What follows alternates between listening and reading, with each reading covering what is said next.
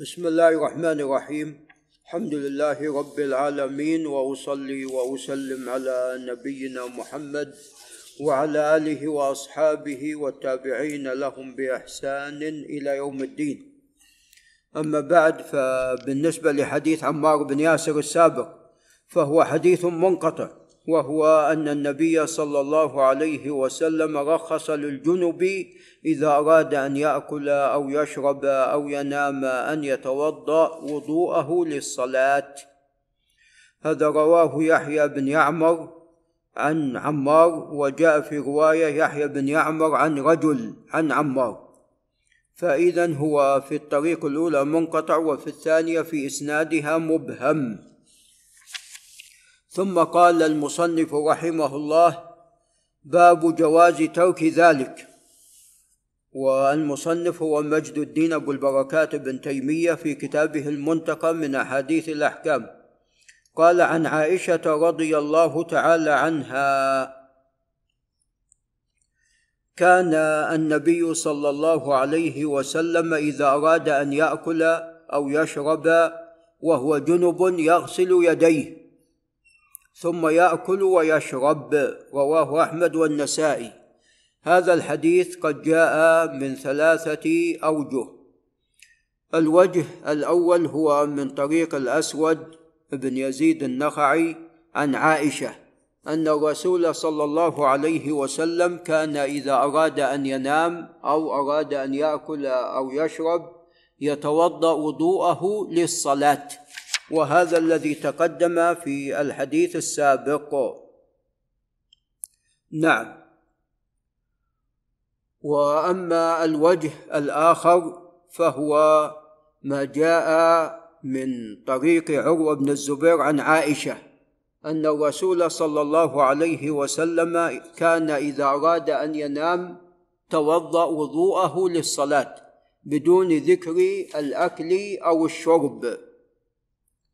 وأما الوجه الثالث فهو الذي جاء من طريق أبي سلمة بن عبد الرحمن عن عائشة. فجاء من رواية يحيى بن أبي كثير عن أبي سلمة عن عائشة أيضا كان إذا أراد أن ينام توضأ وضوءه للصلاة. ورواه الزهري وقد رواه عن الزهري أو جاء في الحقيقة عن الزهري من طريق الليث بن سعد. عن أبي سلمة عن عائشة بدون أيضا الأكل أو الشرب بدون الأكل أو الشرب وإنما كان إذا أراد أن ينام توضأ وضوءه للصلاة. هذا في البخاري من طريق الليث بن سعد. عن الزهري عن أبي سلمة عن عائشة. وجاء من طريق يحيى بن أبي كثير عن أبي سلمة عن عائشة كذلك. ورواه يونس بن يزيد الأيلي وعن يونس عبد الله بن المبارك. فجاءت هذه الزيادة أو هذا التفصيل. كان إذا أراد أن ينام توضأ وضوءه للصلاة وإذا أراد أن يأكل أو يشرب غسل يديه. نعم كما في هذه الرواية. نعم قالت يغسل يديه ثم يأكل ويشرب. نعم بدون ذكر الوضوء. نعم. وقد نعم آه، قد اختلف في الحقيقة على الزهري فرواه الأوزاعي عن الزهري عن يحيى رواه الأوزاعي عن الزهري عن أبي سلمة مرسلا. ورواه صالح بن أبي الأخضر وصالح بن أبي الأخضر لا يحتج به طبعا صالح بن أبي الأخضر عن الزهري. وذكر هذه الزيادة. قالت إذا أراد أن يأكل أو يشرب غسل يديه.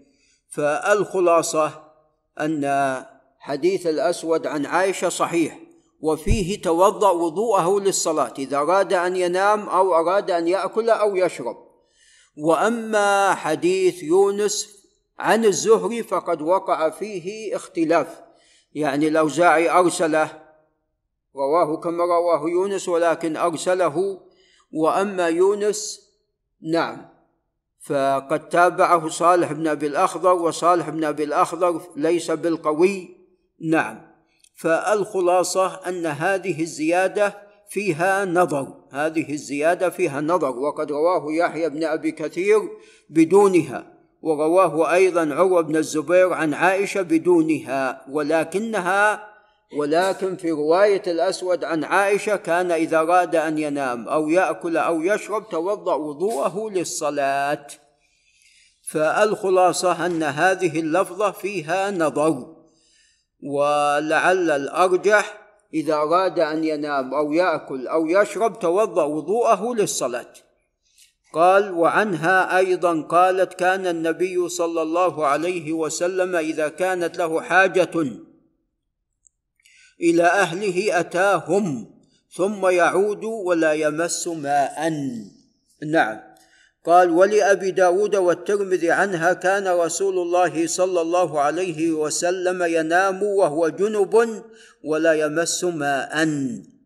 طبعا هذا الحديث رجاله ثقات ولكنه غير محفوظ.